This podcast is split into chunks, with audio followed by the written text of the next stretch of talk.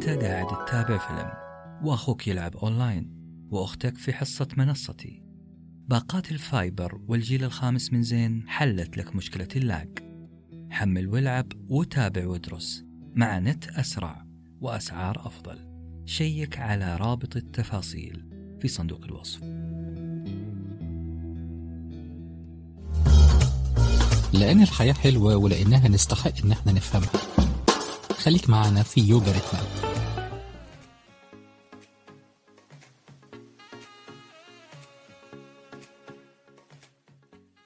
السلام عليكم ورحمة الله وبركاته أصدقائنا أصدقاء يوغا ريتمات أصدقاء التأمل واليوغا.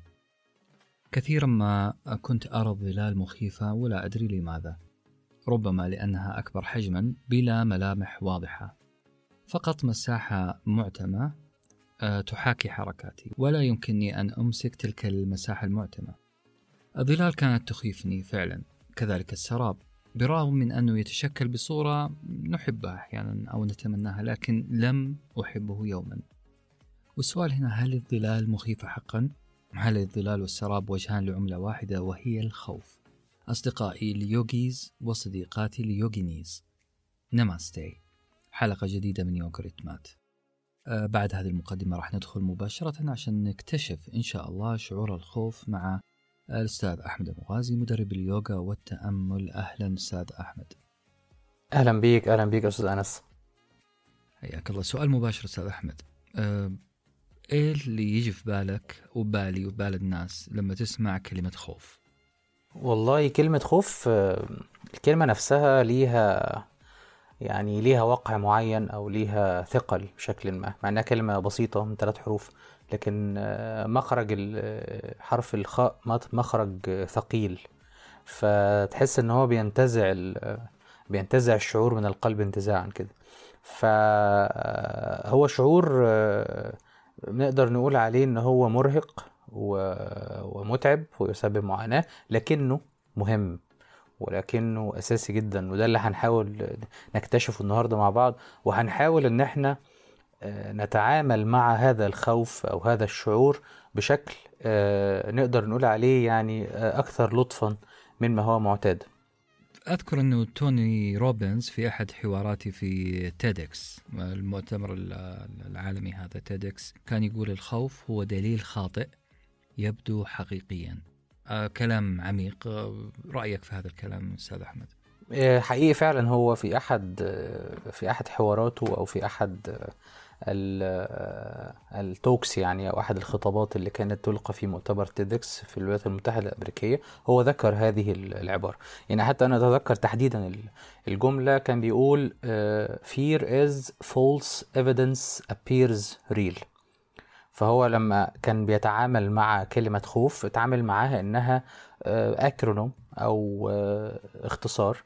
فقال يا جماعة حرف ال F اللي هو false حرف ال E evidence حرف ال A appears حرف ال R real. فال fear هو false evidence appears real. يعني هو دليل خاطئ يبدو حقيقيا. بالظبط بالظبط زي فكرة ال- السراب. إنه السراب آه، وإن كان في بعض الأحيان يبدو إن هو شيء لطيف. آه، أو شيء جميل أو شيء إحنا حابينه أو أو نتمناه زي آه، ال- ال- الميتافور أو ال ال الكناية المشهورة. لما كنا مثلا نمشي في في صحراء أو نمشي في طريق آه، درجة حرارته عالية وإحنا آه، نشتهي إن إحنا نشرب شوية مية.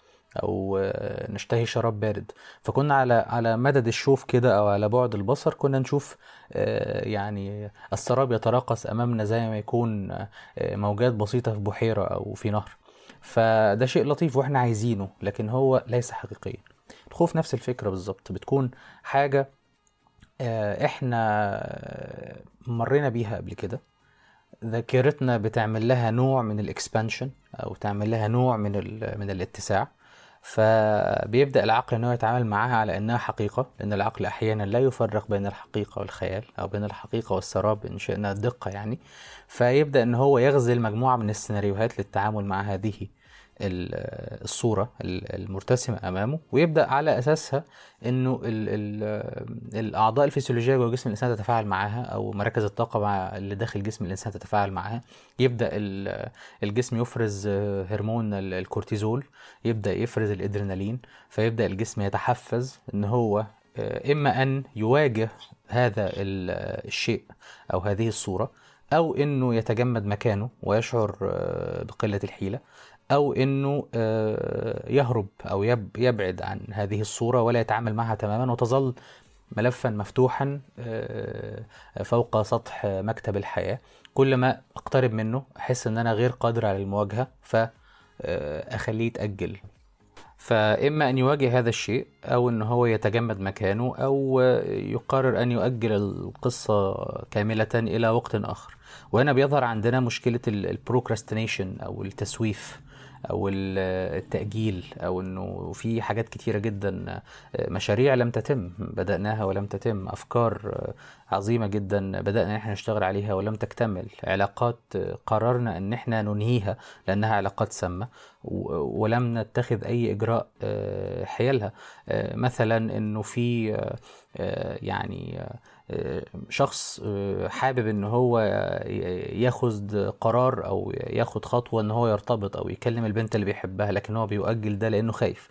فالخوف هنا بي- بيظهر إن هو شيء صعب جدا شيء آه، مرهق شيء مؤلم لكن هو في الحقيقة آه، هو سراب ليس حقيقيا لأنه إحنا خيالنا بينسج هذه الصورة. آه، فخلينا نقول إنه إحنا محتاجين ناخد خطوة نحو فهم الخوف ونحو التعامل معه بشكل آه، أكثر لطفا وبشكل آه، يعني يكسر الدائرة التي نكرر فيها أنفسنا يوما بعد يوم ونظل حبيسين لشعور الخوف المبالغ فيه. آه، ويجب أن نتعامل مع الخوف أنه هو شيء آه، جيد في بعض الأحيان لكنه شيء آه، يجمد الحياة ويخنقها تماما في كثير من الأحيان. طيب ناخذ خطوة كمان لل آه، فهم الخوف تعريف الخوف بالشكل الصحيح. ونسأل السؤال أنا دائما ما أخلط ما بين مفردتين أعاملهم كأنهم مترادفتين الخوف والفوبيا. عندي خوف وعندي فوبيا. فهل في فرق بينهم؟ وهل الفرق هذا حيفيد في آه، مواجهة الخوف بطريقة أفضل؟ تمام. دايما ده ده حقيقي. يعني في خلط يعني بيحصل للناس كلها. في آه، تعريف الخوف وتعريف الفوبيا. بس خلينا نتفق إنه يعني يجب أن نكون منصفين في هذه النقطة إنه الخوف ده يا جماعة شيء آه، موجود داخل الإنسان لكي يعمل عمل آه، ال- الفرامل أو البريك. حاجة توقفنا في بعض الأوقات للحماية أو لكي نكون أكثر امانا. يعني قد يبدو الكلام آه، يعني إزاي الخوف بيخلينا أكثر امنا أو إزاي إزاي الخوف بيخلينا آمنين. دي حقيقة إنه مثلا شخص ممكن يتهور إن هو يدخل في عراك وهذا التهور قد يعني قد يكلفه حياته. ولكن ذات الشخص إذا كان عنده يعني شيء من الخوف وهذا الشيء من الخوف يحميه إن هو يدخل في هذا العراك أو يدخل في هذه ال- المعركة يقدر إن هو يحافظ على حياته. فالخوف هو شعور طبيعي موجود جوه الإنسان وسيظل موجود داخل الإنسان. لا نستطيع أن ننتزعه ولا نستطيع أن آه، نتخلص منه آه، إلى الأبد. لكن الفكرة هنا أن إحنا بنحاول بقدر الإمكان أنه نحجمه ونضعه في آه، مكانه الصحيح أو خلينا نقول نضعه في ال- المكان المفيد بتاعه. لكن الفوبيا هي بدون شك هي هي اضطراب نفسي يصاحب الشخص نتيجة لمخاوف من أشياء مادية أو معنوية ويتم تصنيفه تحت آه، يعني تحت بند اضطرابات الخوف اللي كنا تكلمنا عنها آه، سابقا. و- والأعراض بتاعتها الحقيقة بتاعت الفوبيا بتختلف يعني آه، في أعراض آه، يعني آه، قد تصنف ضمن أمراض أو آه، اضطرابات نفسية آه، أكثر صعوبة زي السكيزوفرينيا أو الشيزوفرينيا اللي الفصام أو ال- الأمراض الذهنية أو الأعراض الذهنية. والحقيقة ال- يعني في أنواع كتير بقى. يعني الفوبيا ليها مجموعة من من المسميات. يعني مثلا في حاجة اسمها الأجروفوبيا الخوف من الأماكن المفتوحة. في حاجة اسمها الأكروفوبيا الخوف من ال- المرتفعات. في حاجة اسمها ال- الزينوفوبيا اللي هي الخوف من الغرباء مثلا اللي الشخص ما يحبش إنه يتعرف على أشخاص جدد. ده ده يعني بتكون أحيانا يعني أكثر ضحايا هذا النوع هم الأشخاص ال- الانطوائيين يعني. في حاجة اسمها كلوستروفوبيا اللي هي فوبيا الأماكن المغلقة. في الزوفوبيا فوبيا الحيوانات. في الجوفوبيا الخوف من الألم.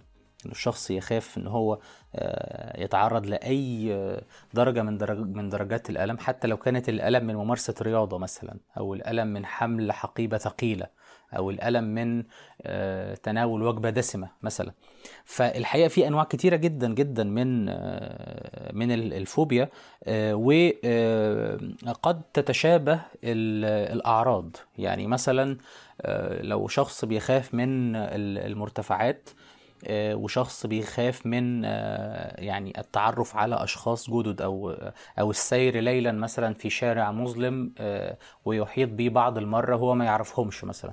فممكن الأعراض بتاعه ال- ال- النوعين دول تكون متشابهة. يعني مثلا يكون في تعرق يكون في خفقان شديد في القلب يكون في مثلا ضيق في التنفس والصدر آه، رغبة أحيانا آه، في البكاء آه، يعني تشنجات في في الحركة. طبعا دي حالات يعني زي ما بيقولوا كده حالات متقدمة يعني.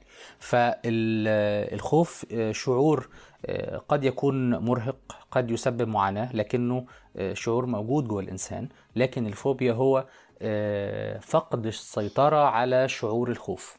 إذا فقدنا السيطرة على شعور الخوف يتحول إلى فوبيا ويتحول إلى آه، نوبات هلع أو panic attacks وهنا يجب أن آه، تكون لنا وقفة ونستشير آه، أخصائي نفسي آه، محترف لكي يساعدنا على الخروج من هذه ال- آه، المشكلة.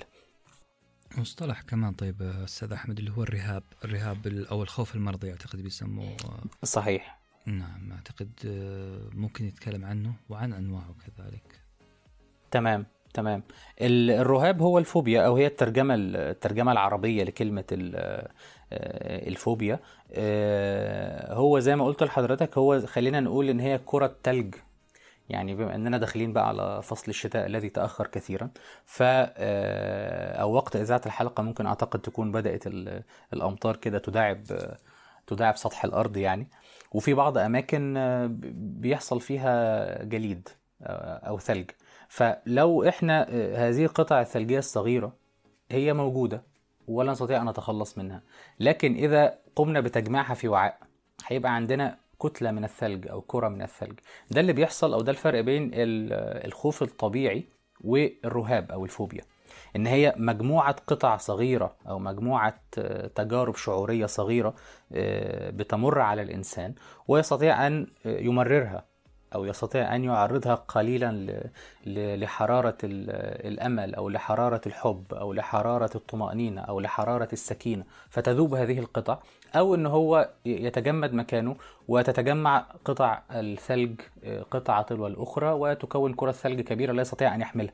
فهي نفس الفكرة لكن هو الخوف شعور. أنا أكرر دي دائما لأن إحنا محتاجين نخلق علاقة جديدة مع الخوف وده اللي هنحاول نعمله النهارده زي ما زي ما قلنا من شوية. إنه الخوف ده شعور طبيعي آه، يكون محمودا في بعض الأحيان ويكون آه، غير ذلك في آه، الكثير من الأحيان. فإحنا هنحاول نحجمه ونضعه في إطاره الصحيح. حتى نستطيع أن نعيش حياة متناغمة حياة حلوة زي ما دايما بنقول في يوجا ريتمات. طيب اذا تحجيم الخوف هل اليوغا بتتعامل مع مشكلة الخوف أو شعور الخوف بالتحجيم أو ولا إيش دور اليوغا بالضبط؟ تمام. آه، إحنا دايما بنقول إن اليوجا يا جماعة هي يعني هي نسق آه، حركي آه، يحاكي حركة الحياة. وهي آه، أسلوب للتفكير اسلوب للتعامل مع الذات ومع ال- ال- الموجودات حوالينا. فدايما بنقول مثلا مثال بسيط إنه إحنا آه، وعينا أو طريقتنا في التفكير آه، للأسف إحنا بنتعامل معاها بنسبة مجحفة شوية. يعني وعينا بهذه الحياة بنعي مثلا آه، نسبة 1% ونستطيع أن ندركه ونركز فيه بنسبة 1% لكن 99.9 أو 99% من آه، مكونات حياتنا أفكارنا وعلاقاتنا وتجاربنا نتركها لل آه، يعني مش عايز أقول للصدفة بس بنتركها للظروف عشان نكون يعني نختار لفظ ألطف شوية. بنسيبها بظروفها يعني زي ما تيجي تيجي كده أو على البركة زي ما بيقولوا. فده بيخلينا نشعر بقلة السيطرة. عندما نشعر بقلة السيطرة من الطبيعي جدا أن يتعاظم الخوف لدينا. لأن أنا أنظر أو أعي أو أركز على واحد في المية بس مما لدي من حياة أو واحد في المية فقط من أفكاري واحد في المية فقط من علاقاتي أو من تجاربي فبالتالي تسعة وتسعين في المية اللي فاضلين أو المتبقيين هيكونوا مصدر توتر وقلق بالنسبة لي. فخلينا نقول إنه إحنا يا جماعة لازم يكون عندنا وعي أكثر أو وعي أكبر واليوجا بتساعدنا إن إحنا نعمل ده لأنه مش لا يستطيع الإنسان أن يركز بعقله فقط ولا بقلبه فقط ولا بروحه أو بطاقته فقط ولا بجسده فقط. لازم المكونات الأربعة زي ما زي ما بنقول هي اللي تكون بتشد بعضها أو بتساعد بعضها لكي يكون الإنسان حالة من الوعي. الخوف بيبدأ منذ الصغر بيبدأ غرسه منذ الصغر. زي ما قلنا قبل كده في عندنا فكرة أساسية اسمها السامسكارا أو البرمجة اللي إحنا بنبرمجها من وإحنا صغيرين. هذه البرمجة يتعامل معها العقل على أنها مجموعة قواعد أو لنقل أنها مجموعة من العدسات التي ندرك من خلالها العالم. فإذا كان تغذيتي لطفلي أو تغذيتي الفكرية طبعا والثقافية لطفلي قائمة على الخوف وقائمة على فكرة أنه الأشرار دائما خارج المنزل إنه الحيوانات بتجيب أمراض مثلا إنه لا, لا تنظر من شرفة الغرفة مثلا أو من شرفة البيت علشان ممكن تسقط ممكن تقع فالولد يجي له آه فوبيا من المرتفعات. قس على ذلك بقى حاجات كتيرة جدا. يعني إنه مثلا مثلا بلاش تنزل تلعب مع أصحابك عشان ممكن تتعور مثلا بلاش تروح النادي عشان ممكن تجرح نفسك يعني. ف... فده يكون عنده خوف من الألم. يكون عنده خوف إن هو مش عاوز يعمل مجهود. فالسامسكارا أو البرمجة اللي إحنا اتربينا عليها من إحنا صغيرين ليها نصيب الأسد في تكوين شخصيتنا وبالتالي تكوين مفهومنا حوالين التعامل مع الخوف. كمان في حاجة يعني مفهوم دايما إحنا بنظلمه. يعني بعض الناس بتخاف من الأفعال التي مرت عليها بشكل سلبي. يعني مثلا شخص آذى شخص ما في الماضي ويظل يؤنب نفسه أنه سيعاقب وإنه الجزاء من جنس العمل ايا كان بقى معتقد هذا الشخص عامل إزاي إنه في عاقبة للكلام اللي هو عمله ده. فبالتالي يبدأ يشعر إن هو يعني بيعيش حياته خائفا يترقب. بيبص كده looking over his shoulders زي ما زي ما الإنجليز بيقولوا بيبص يمين وشمال. فدي بتفقد لذة الحياة. لكن لو لو نيجي نبص حتى للتراث الديني بتاعنا كمسلمين بقى أو كمسيحيين أو يعني أي ديانة حتى الديانات الوضعية بتقول إنه الشخص لو سامح نفسه وسامح الشخص اللي أذاه أو حصل يعني نوع من ال forgiveness أو نوع من المسامحة أو عندنا كمسلمين نوع من التوبه مثلا ربنا بي يعني بيزيل هذه هذه الفعلة تماما من من ال record أو من السجل الخاص بيك. ففكرة إنه أي فعل أنت بتفعله هتعاقب عليه في الدنيا دي برضو من الأفكار اللي بتخلي الشخص يعني بيعيش حياته متوتر وبيعيش حياته قلق. وبالتالي يتحكم الخوف فيه بشكل كبير. وفي علم النفس بيسموه spiritual bypassing أو التجاوز العقدي أو التجاوز الديني. اللي هو يعني وضع نص ديني أو وضع اعتقاد ديني معين في المنظومة الشعورية بتاعة الإنسان. كمان إحنا في اليوجا بنقول إنه في عندنا ملكتين في غاية العظمة عند الإنسان. يعني ربنا خلق داخل الإنسان ملكتين في غاية العظمة. الملكة الأولى هي ملكة الذاكرة. واللي إحنا كنا اتكلمنا عليها في, في الموسم الأول في حلقة العقل زينه قلنا إن في عندنا حاجة اسمها المانس اللي هي الذاكرة التي تمتد في كامل الجسد لأن اليوجا تعتقد أن العقل ليس فقط هو هذا العضو الموجود في الجمجمة ولكن العقل ممتد في كامل الجسد. يعني في ذاكرة في كامل الجسد وده اللي بي... اللي بيؤيده الكثير من الدراسات العلمية خصوصا التي تتكلم عن ال muscle memory أو الذاكرة العضلية. كل جزء في جسمنا له ذاكرة. كل جزء في جسمنا له memory بتساعده إن هو يخزن نظام تشغيل عشان يقوم بوظيفته. فالذاكرة هي من أعظم المميزات أو من أعظم الملكات اللي ربنا سبحانه وتعالى خلقها عند الإنسان وموجودة عند الإنسان بإمكانيات عالية جدا. تخزين الصورة تخزين الصوت تخزين الرائحة تخزين الملمس تخزين الطعم. يمكن دي مش موجودة عند الكثير من المخلوقات. الملكة الثانية هي ملكة الخيال. كيف أستخدم هذه الذاكرة لخلق آه، سيناريوهات؟ قد تحدث في المستقبل أو قد لا تحدث. ناس كتير بتتكلم في الحتة دي تحت عنوان قانون الجذب أو ال law of attraction إنه ما أتصوره قد يحدث بالفعل أو ما أتصوره وأعطيه من روحي آه، تركيزا ووعيا قد يتحقق بالفعل أو قد يتجلى في واقعي بالفعل. فالملكتين دول اليوجا بتقول لنا كل ما كان عندك إمكانية إن أنت تضع ذكرياتك في حجمها الطبيعي تستطيع أن تتخيل أشياء إيجابية. كل ما كان عندك إمكانية أن تمارس التأمل آه، بشكل يومي وأن تمارس تمارين اليوجا الأسنز مع التنفس البرايام بشكل يومي تستطيع مكونات كيانك أن تتحد مع بعضها أو أن تتوازن وتتناغم مع بعضها فيستطيع عقلك أن آه، يقوم بعملية فلتريشن آه، أو بعملية فلترة للذكريات وللمواقف. أن ما حدث في الماضي هو في الماضي. نسبة حدوثه في المستقبل أقل من 1% فمش منطقي ابدا آه، إن أنا أكون إنسان عاقل بالغ راشد إنه أفكر في المستقبل آه، وأحصر حياتي في نص في المية أو في أقل. يعني احتمال أقل من واحد في المية وأحصر آه، في حياتي كلها. فكل ما كان في ممارسات ذهنية ونفسية وجسدية وروحية أستطيع أن أقاوم فكرة أسر الخوف لحياتي. الثلاث مراحل هنقولهم كده بسرعة. المرحلة الأولى اللي هي السمسكارة البرمجة التي تربينا عليها منذ أن كنا صغارا. في مرحلة اسمها الكارما والكارما لا تعني العقاب أو الكارما لا تعني أنه آه، ما حدث في الماضي قد يتكرر في المستقبل. كلمة كارما تحديدا باللغة السنسكريتية تعني أكشن أن تأخذ خطوة. ف let's make step forward أنه يكون في ممارسة روحية ممارسة عقلية ممارسة جسدية ممارسة شعورية. وهنتكلم على ده إن شاء الله في الجزء التطبيقي أو الجزء العملي من حلقتنا النهارده. ويكون في بعدها مرحلة اسمها الموكشا اللي هو التحرر. فالسامسكار البرمجة القديمة الكارما هي آه، ما أقوم به من مجهود ومن أفعال تساعدني أن أتخلص من البرمجة القديمة.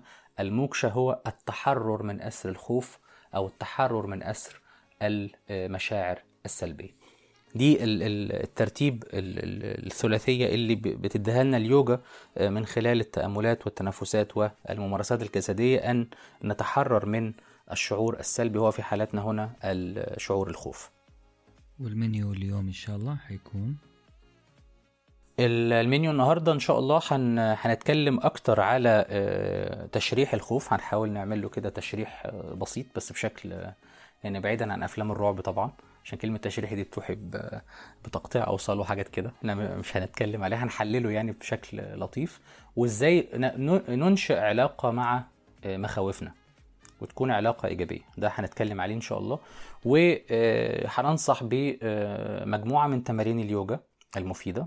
آه، وهننصح بمجموعة من الأطعمة المفيدة. وهنستمع لتجربة أو اتنين أو تلاتة من آه، أصدقاء لينا آه، واجهوا الخوف أو تعاملوا مع الخوف سواء بقى من خلال الدراسة في تخصصاتهم أو من خلال ممارستهم لليوجا أو من خلال آه، قيامهم بمساعدة اللي حواليهم آه، في تجاوز آه، الخوف أو تجاوز تجاربهم مع الخوف. وإن شاء الله هيكون معانا كمان تأمل التحرر من الخوف. أتمنى إنها تكون وجبة يعني زي ما بنقول كده وجبة دسمة ومفيدة يعني دسم إيجابي يعني مش دسم سلبي. وإن شاء الله تكون خطوة للأمام عشان نحرر حياتنا من أي مشاعر سلبية وعلى رأسها الخوف. إن شاء الله أكيد راح تكون وجبة دسمة كالعادة وسعيد جدا أستاذ أحمد إننا خضنا هذا الموضوع المهم الخوف والفوبيا والرهاب وأهم من ذلك دور ال- اليوغا إن شاء الله في تخفيف ومعالجة هذه المشكلة. شكرا لك والآن أترك لك المايك. للتطبيقات والوجبات شكرا جزيلا أستاذ أنس وإن شاء الله نلتقي في حلقة مقبلة.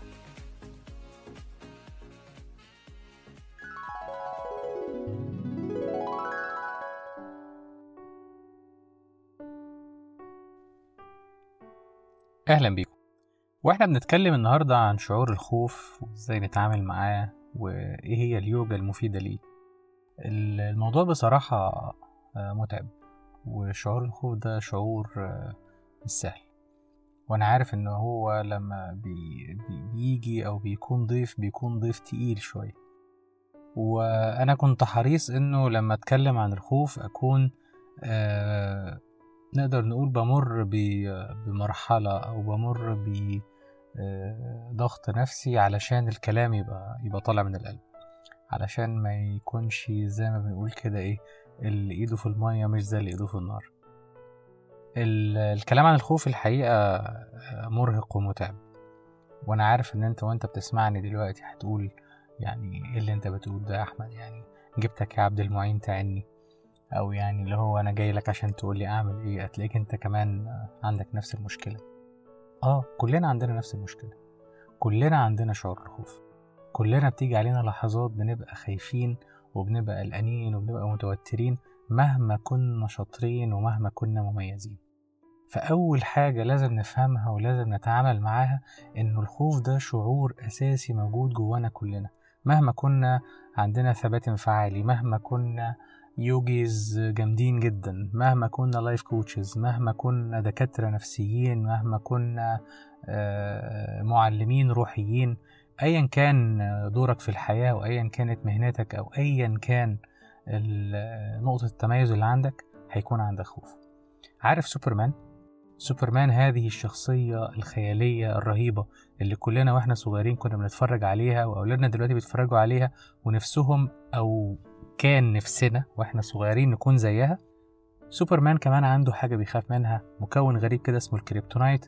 لما بيشوفه بيحس إن هو بيفقد كل إمكانياته وكل قدراته. ده بالظبط اللي بيعمله فينا شعور الخوف. لكن الشطارة إن هذه المرحلة التي يمر بها كل البشر إزاي نخليها مرحلة قليلة؟ ما نخليهاش مرحلة كبيرة. ما نخليهاش تأخذ أكثر مما ينبغي في ال timeline بتاع حياتنا. عشان كده النهاردة التجارب اللي إحنا نتكلم عليها أو وجهات النظر اللي إحنا هنتكلم عليها كنا حريصين إنها تكون من آه، خلفيات ثقافية مختلفة من تجارب شخصية مختلفة من حتى من مدارس آه، حياتية أو من مدارس في آه، فن الحياة الذكية تكون مختلفة. لما سمينا الحلقة بتاعت النهاردة سراب الخوف كنا قاصدين إنه فعلا الخوف هو عبارة عن سراب. وزي ما ذكرنا في الحوار اللي عملناه في البداية مع أستاذ أنس وقلنا إنه آه كلمة توني روبنز أو أنتوني روبنز آه إنه الخوف هو false evidence appears real. أو يعني حاجة قد تبدو إنها حقيقية ولكنها ليست كذلك. أنتوني روبنز كان ذكي جدا وهو بيختار هذا ال- التعبير أو هذا التعريف للخوف. لأنه في حقيقة الأمر إحنا ننظر إلى الخوف بشكل أو بآخر إن هو شيء آه كبير وشيء ضخم لكن هو في حقيقة الأمر ليس كذلك. في قصة حابب إن أنا أتكلم معاكم عنها هي قصة مجموعة من البحارة كانوا بيبحروا في المحيط الهندي و آه، يعني حسوا إن هم ضايعين أو حسوا إن هم هيقابلوا مشكلة لأن الظروف المناخية في هذا الوقت من السنة كانت مش هي أفضل حاجة. فبالفعل السفينة بتاعتهم تعطلت أو ما قدروش إن هم يواجهوا الظروف المناخية اللي كانت موجودة وقرروا إن هم يستقلوا مجموعة من القوارب الصغيرة ويتحركوا لأقرب جزيرة. وفق دراستهم للمنطقة اللي هم كانوا بيبحروا فيها في هذا المحيط قالوا إن في عندنا ثلاث اختيارات. الاختيار الأول إن إحنا نبحر الجزيرة الجزيرة اللي آه، يعني ناحية الشمال والجزيرة دي حسب معلوماتنا إن عن ليها أو موجود فيها أو يعيش عليها مجموعة من أكل لحوم البشر. والجزيرة التانية لو إحنا توجهنا ناحية الشرق دي آه، جزيرة بعيدة شوية وعلى بال ما نوصل لهذه الجزيرة هنكون فقدنا قدر كبير من المؤن اللي معانا أو يعني ممكن إن إحنا ما نوصلش إن المسافة طويلة جدا. والحل الثالث إن إحنا نتوجه آه، ناحية آه، آه، الشمال. ولما نتوجه ناحية الشمال هيكون في إمكانية إن يكون لسه في مجموعة من الأمواج تدفعنا لناحية البيت أو ناحية الوطن يعني اللي إحنا المفروض نرجع له. الجدال اللي كان بين البحارة الثلاثة ده كان نابع من حاجة اسمها السامسكارا. السامسكارا اللي هي البرمجة اللي إحنا اتبرمجنا عليها من وإحنا صغيرين وبدأنا ندرك من خلالها هذا العالم.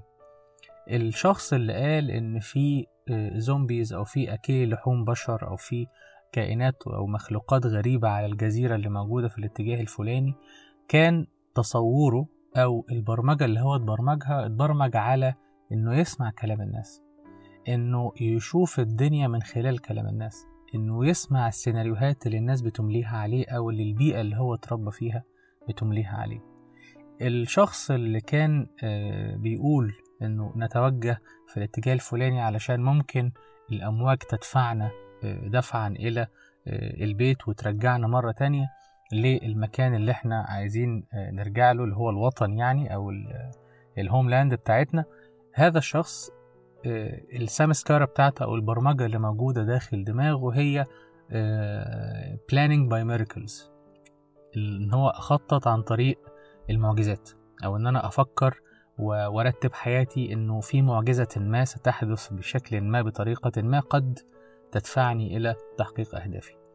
والشخص الثالث كان بيحسب الأمور بالورقة والقلم وقال لو إحنا وصلنا للجزيرة اللي في- الاتجاه الفلاني أعتقد إن إحنا هيكون عندنا نفاذ في المؤن وممكن ما نوصلش لهذا الاتجاه. القصة دي بتخليني أفكر إنه كل حد فينا وجهة نظره وطريقة تفكيره مختلفة وفق البرمجة اللي هو اتبرمجها وهو صغير. فده بيخلي الكارما أو الفعل الذي يقوم به بشكل أو بآخر متوافق مع هذه البرمجة أو قد يكون بعيدا عن هذه البرمجة. فدايما وأنت بتفكر في خوفك وفي جذور خوفك شوف جذور الخوف دي جت منين. هل هي جاية من أساطير؟ أو هل هي جاية من كلام مش حقيقي تداوله الناس بينهم وبين بعض فأصبح له آه، وقع آه، الحقيقة لكن هو في الأصل مش حقيقة؟ ولا آه، أنت آه، لما بتفكر بتفكر بالورقة والقلم وبتغرق نفسك في متاهة الحسابات والأرقام ولا انت بتفكر ب- يعني أو بتخطط لحياتك عن طريق المعجزات إن انت منتظر معجزة معينة تحصل أو حاجة معينة تحصل تخليك تتقدم للأمام. طرق التفكير التلاتة عند البحار التلاتة بتخلينا آه، نقول إنه كل واحدة من دول بتعزز شعور الخوف بشكل أو بآخر لأنها بتخليك تشعر إن أنت بعيد تماما عن السيطرة إن أنت منتظر حدث خارجي يحرك الأحداث إلى الأمام أو حدث خارجي يحرك الأحداث بطريقة ما أو في اتجاه ما. دايما دايما كل ما كان عندك شعور بقلة السيطرة كل ما كان عندك تعاظم في شعور الخوف. الشعور بقلة السيطرة ده نابع إن أنت ثقتك بنفسك ليست كما ينبغي أو ثقتك ورؤيتك الذاتية وصورتك الذاتية ليست كما ينبغي فبالتالي بتكون آه، أسير لمشاعر الخوف. وزي ما اتفقنا إن الخوف قد يبدو حقيقي لكن في أحيان كثيرة جدا احتمالات حدوثه واحتمالات إن هو يكون شيء حقيقي تكون أقل من 5% دايما بنقول إنه عندنا كمان فكرة مهمة لازم نتعامل بيها مع الخوف عشان نخفف من وطأة الخوف. لأن الخوف في حد ذاته هو سيناريو العقل يقوم بخلقه بناء على تجربة سابقة. وكنا قلنا قبل كده إن عندنا ملكتين إنسانيتين في غاية العظمة ربنا أودعهم فينا كبشر وهي ملكة الخيال وملكة الذاكرة. فالعقل بيرجع للذاكرة وبيشوف التجربة التي قد تسبب خطر على حياتك ويبدأ إن هو ينسج حواليها سيناريو إذ ربما أنها تتكرر في المستقبل. وهنا بيحصل شعور الخوف. قلنا قبل كده برضو إن شعور الخوف ليس شيئا سيئا تماما. الخوف ممكن يكون بيحميك أو بيعمل لك نوع من الفرامل اللي بتكبح جماح أفكارك أو بتكبح جماح اندفاعك. لكن أنا عاوزك تتعامل مع الخوف منذ هذه اللحظة إن هو سيناريو لفيلم أو لقصة. أنت اللي تتحكم فيها. لأن عقلك بالفعل هو اللي خلقها. عقلك بالفعل هو اللي أبدعها. عقلك بالفعل هو اللي ألفها. فبالتالي أنت عندك القدرة أن أنت تغير هذا السيناريو. بعيدا عن المعجزات بعيدا عن الإغراق في الأرقام وبعيدا عن أساطير ليست حقيقية. خلونا النهاردة نسمع تجارب لثلاثة شخصيات عزيزة جدا على قلبي. هم الكوتش ريما دحدح من لبنان ودكتورة هالة ذنون من السعودية وابنتي الروحية وتلميذتي إيمان ساسي من تونس. الثلاث فتيات دول هيتكلموا معانا عن رؤيتهم للخوف وتجربتهم مع الخوف وتعريفهم للخوف. عشان يبقى عندنا أكتر من وجهة نظر تساعدنا إن إحنا نخلق أكثر من سيناريو إيجابي يخلينا نستفيد من الخوف ونتعامل معه بشكل يخلينا نعيش حياة متناغمة وحياة حلوة.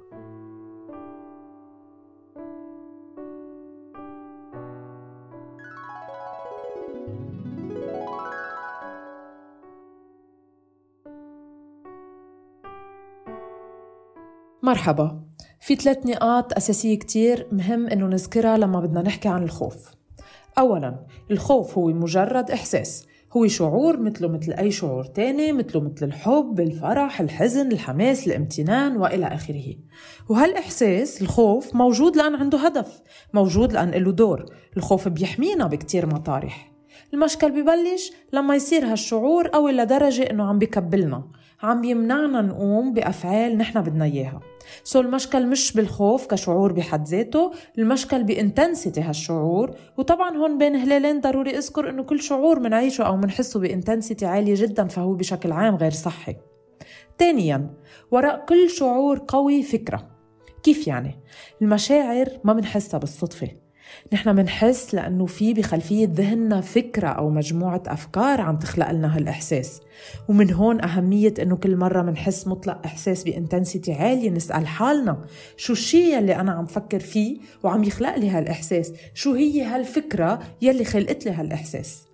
ثالثا معالجة الخوف بتصير من خلال معالجة الأفكار يلي عم بتولد هيدا الخوف. رح أعطي مثل بطريقة كاريكاتورية عن شخص عنده فوبيا على الحشرات. هالشخص بدماغه مسجل مسيف saved إنه الحشرات بتشكل خطر كتير كبير على حياته. اذا بطبيعة الحال كل مرة رح يشوف حشرات دماغه تيحمي طبعا رح يقول له اجى الخطر علينا يلا خاف وارتعب وقوم بلش اركض تهرب من الخطر. هيدا كله بيصير على level ال unconscious mind يعني على level اللاوعي. كيف بتتم معالجة هالشي؟ الفكرة يلي راكبة براس هالشخص يلي بتقول الحشرات بتشكل خطر كتير كبير على حياتي. منمحيها ومنسيف مطرحها. فكرة معاكسة مثل أنا بأمان تام بوجود الحشرات. فيلي بيصير المرة الجاي يلي هالشخص بيشوف فيها الحشرات بدل ما يشعر بالخوف بيشعر بالأمان بكل بساطة. بدي أختم وأقول إنه هيك نوع علاج فكري هو جدا دقيق لأن الشغل بيصير بشكل مباشر على الجهاز العصبي على ال nervous system وبالتالي أصحاب الاختصاص فقط هن المخولين يقوموا بهيك therapy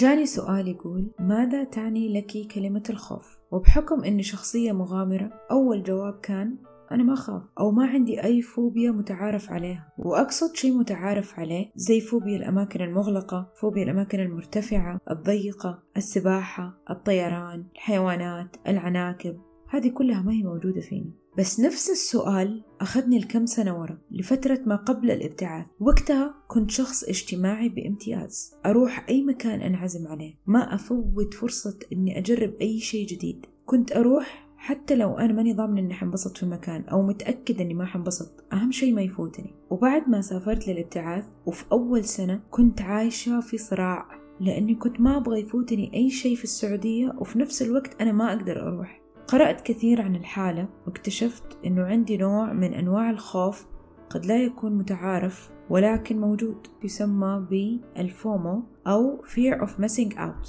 بالعربي أخاف يفوتني شيء. وهذه الحالة أثرت على سنتي الأولى بشكل كبير لأني ما كنت أقدر أستمتع. لا في بلد الابتعاث اللي كان حلو ولا أني أقدر أحضر أي شيء من الأشياء اللي موجودة في السعودية بحكم المسافة.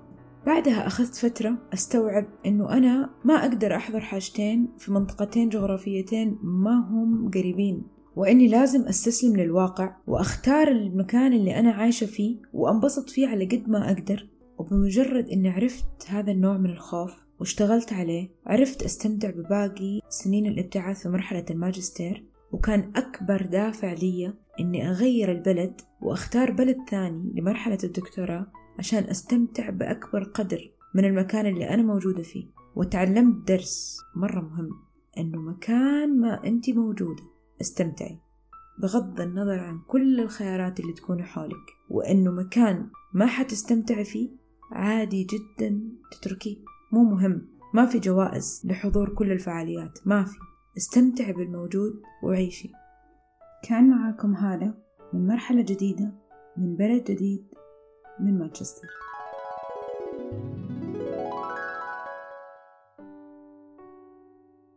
تجربتي مع اليوغا بدأت في ظروف كنت مضطرة أني نلقى حل للآلام الظهر اللي عندي.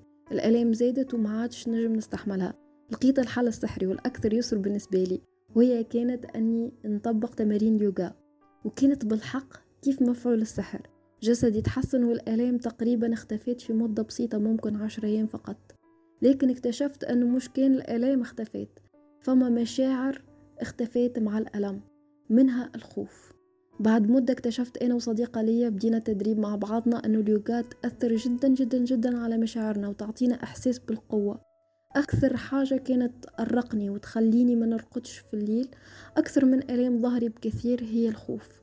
الخوف من الامتحانات الخوف من المواجهة الخوف من كل شيء مجهول وأكبر خوف كنت نعاني منه هو الخوف من الفشل.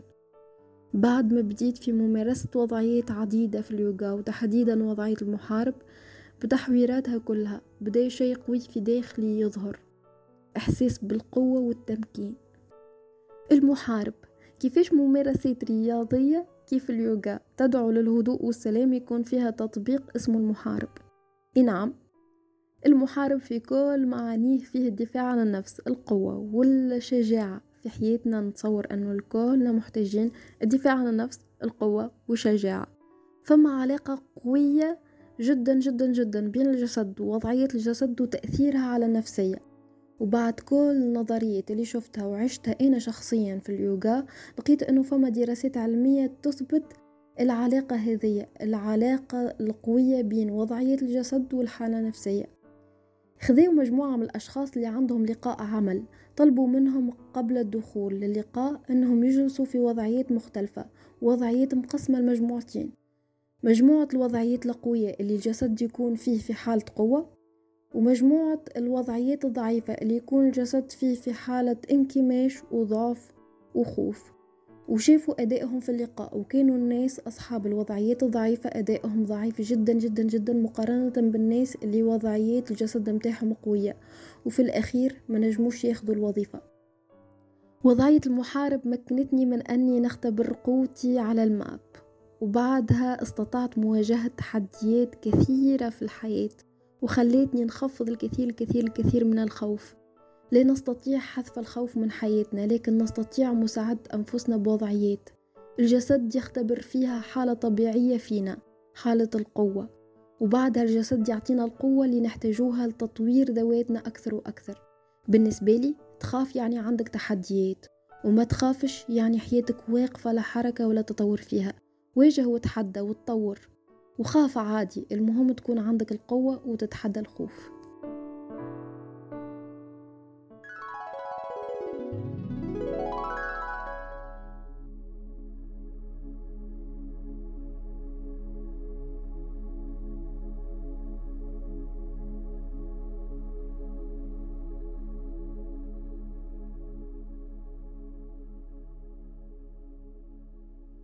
مرحبا بكم مرة أخرى. سيوفر لنا هذا التأمل رؤية جديدة للتعامل مع شعور الخوف. إننا في حياتنا نواجه الكثير من المواقف التي توصلنا لرؤية شعور الخوف بطريقة قد تبدو حقيقية، لكنها في الحقيقة ليست كذلك. دعنا نجلس جلسة مريحة، ولتسترخي أجزاء أجسادنا، ولنفسح للأكسجين مسافة أكبر ومساحة أكثر في رئتينا. لتكن جلستك مريحة تسترخي فيها أجزاء جسدك وتستطيع من خلالها أن تصل إلى مرحلة الاسترخاء في أسرع وقت ممكن. دعني أساعدك لتتنفس تنفسا هادئا من الأنف شهيقا وزفيرا لمدة عشر ثوان. عشرة تسعة. ثمانية. سبعة. ستة. خمسة. أربعة. ثلاثة. اثنين. واحد. أنت الآن تسترخي رويدا رويدا. ويسري شعور الاسترخاء من آخر نقطة في قدميك صعودا إلى أعلى نقطة في رأسك. ستحاول الأفكار أن تتقافز في ذهنك. دعنا نتخيل أن هذه الأفكار هي مجموعة من السيارات المسرعة التي تمر في شارع تنظر إليه من شرفة منزلك. أنت لا تكبح جماح السيارات. ولا ترفع صوتك حتى تتوقف. أنت فقط تشاهدها وهي تمر مسرعة أمامك من شرفة منزلك. علينا أن نسترخي أكثر. ولا نشتبك مع تلك الأفكار المسرعة. فقط تنفس بعمق تنفس أكثر؟ اسمح لرئتيك أن تستحوذ على مزيد من الهواء. استشعر نبضات قلبك. يمكنك أن تضع يدك اليمنى على قلبك الآن. دعنا نغرس في هذا القلب مجموعة من الأفكار الإيجابية. إن هذا القلب هو مرآة للروح والروح هي نفخة نورانية من الله. فإنك تسعى بين روح وقلب مدعومين من الله هذا الخالق العظيم الذي يمدك بالقوة.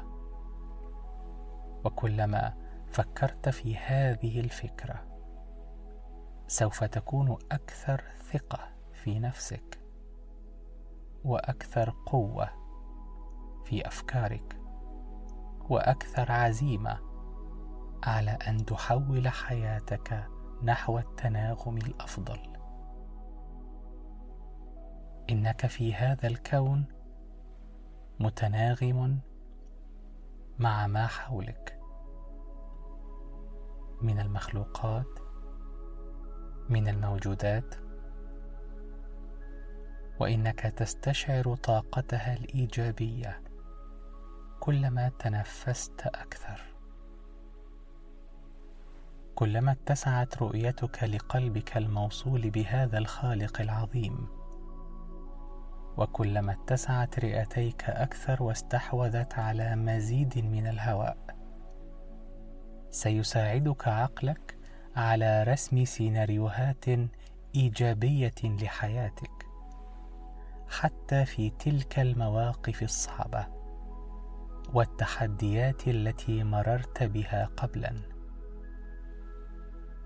يمكنك تعديل تلك المشاهد ورسمها بألوان أكثر ذهوا وأكثر ابتهاجا وأكثر تصميما على أن تصل للتناغم الأفضل. تنفس أكثر. تنفس بعمق. استرخي أكثر. أنت تشعر الآن بمزيد من التحرر من أفكارك السلبية. وتستطيع أن تجعل الخوف يعمل لصالحك. انت تتعامل مع الخوف كأنه صديق يساعدك في إعادة ترتيب أولوياتك. أنت هنا والآن تشعر بالتناغم الأفضل وتشعر أنك أكثر قوة وتشعر أنك أقرب إلى التحرر من أي مخاوف قد مرت عليك سابقا. تنفس أكثر شهيقا وزفيرا. كلما زاد التنفس الاسترخائي كلما استطعت أن تنظر وترى نفسك في صيغة أفضل. وبرؤية أفضل. أكثر تناسقا مع ما تحب ومع ما تريد أن تحقق في حياتك. استرخي أكثر. تنفس شهيقا من الأنف وزفيرا قويا من الفم. وردد بين كل تنفس. أنا أستطيع أن أحرر ذاتي من المخاوف. أستطيع أن أجعل الخوف يعمل لصالحي. أستطيع أن أخلق سيناريوهات إيجابية تتوافق وتتناغم مع ما أحب أن يتجلى في حياتي. لأنني صنيعة لخالق عظيم. أستحق أن يتجلى الافضل في حياتي. لأن الحياة حلوة ولأنها نستحق إن إحنا نفهمها. خليك معنا في يوجا ريتمات